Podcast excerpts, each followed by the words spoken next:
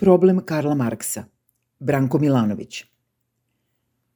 Problem Karla Marksa, kako ga opisuju Magnes i Makovi, proizveo je dosta polemika u poslednje vreme.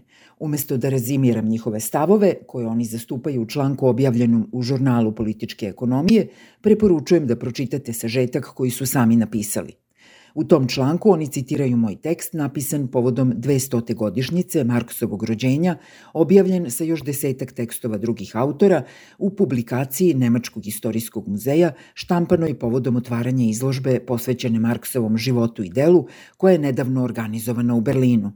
Naslov tog mog teksta glasi Neočekivana besmrtnost Karla Marksa – Mislim da taj naslov dovoljno jasno pokazuje šta sam hteo da kažem. Tekst ovde neću rezimirati jer verujem da ga vredi pročitati u celosti. Dozvolite sada da objasnim u čemu se slažem sa Magnesom i Makovijem, a u čemu se potpuno razilazimo. Slažem se da Marksov uticaj, mada znatan i vremenom sve izraženiji u levičarskim krugovima, dok je istovremeno bio kritikovan u liberalnim i desničarskim, ne bi od njega napravio globalnog mislioca kakav on danas jeste – Da nije bilo oktobarske revolucije i Lenjinove odluke da proletarske revolucije na zapadu poveže sa antikolonijalnim pokretima u ostatku sveta, verujem da bi Marks danas bio poznat samo kao jedan od teoretičara koji su doprinjali razvoju nemačke socijaldemokratije.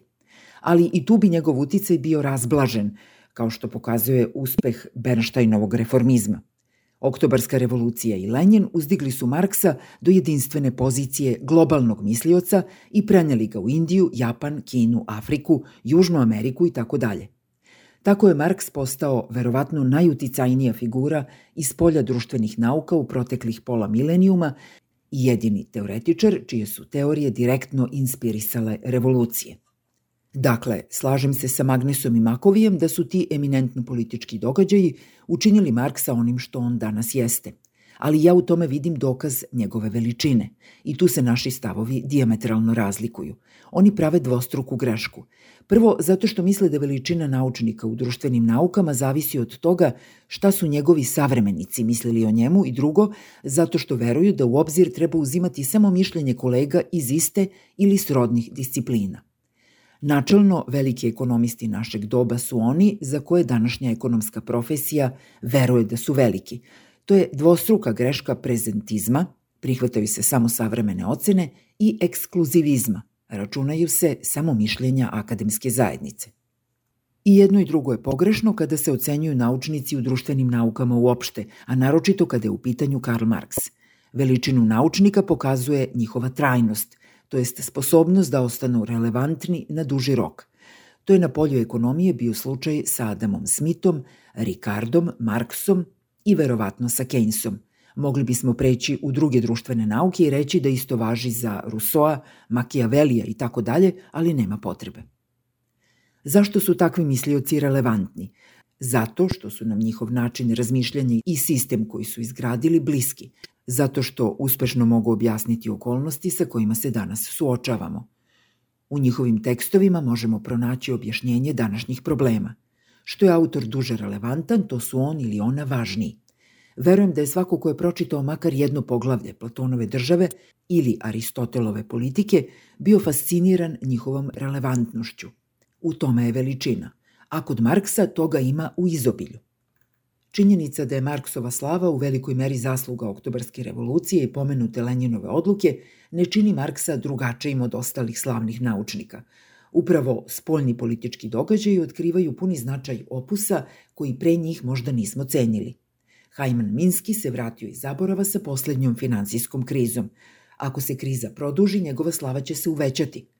Rasprava o ulozi ropstva u razvoju kapitalizma obnovila interesovanje za spise Dubois i Malcolm X prolazi kroz sličan period. Njihovi tekstovi iznenada ponovo postaju relevantni. Da bismo rešili problem depresije, kao što je obećavao Robert Lucas, značaj Kensa za ekonomiju i razvoj ekonomskih politika bio bi minimalan. Ali čim ekonomija posustane kao sada, ekonomisti se vraćaju u opštoj teoriji.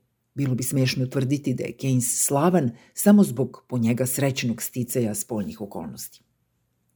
Dozvolite sada da ukratko izložim zašto su prezentizam i ekskluzivizam u Marksovom slučaju posebno neprimereni.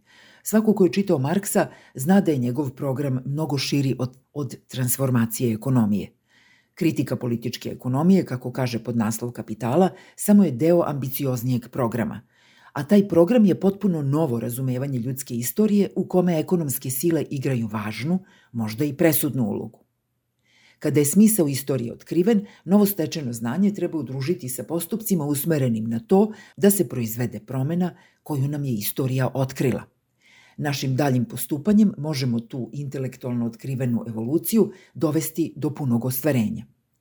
I tu se u priču uvodi ključni marksistički koncept praksis, to je jedinstvo teorije, ideje i prakse, U toj tački ideje, ako su ispravne u smislu da uspešno zahvataju ključne determinante evolucije ljudskog društva, postaju materijalna sila. Ideja postaje sredstvo promene isto koliko i demonstracije, barikade ili pronalasci novih mašina.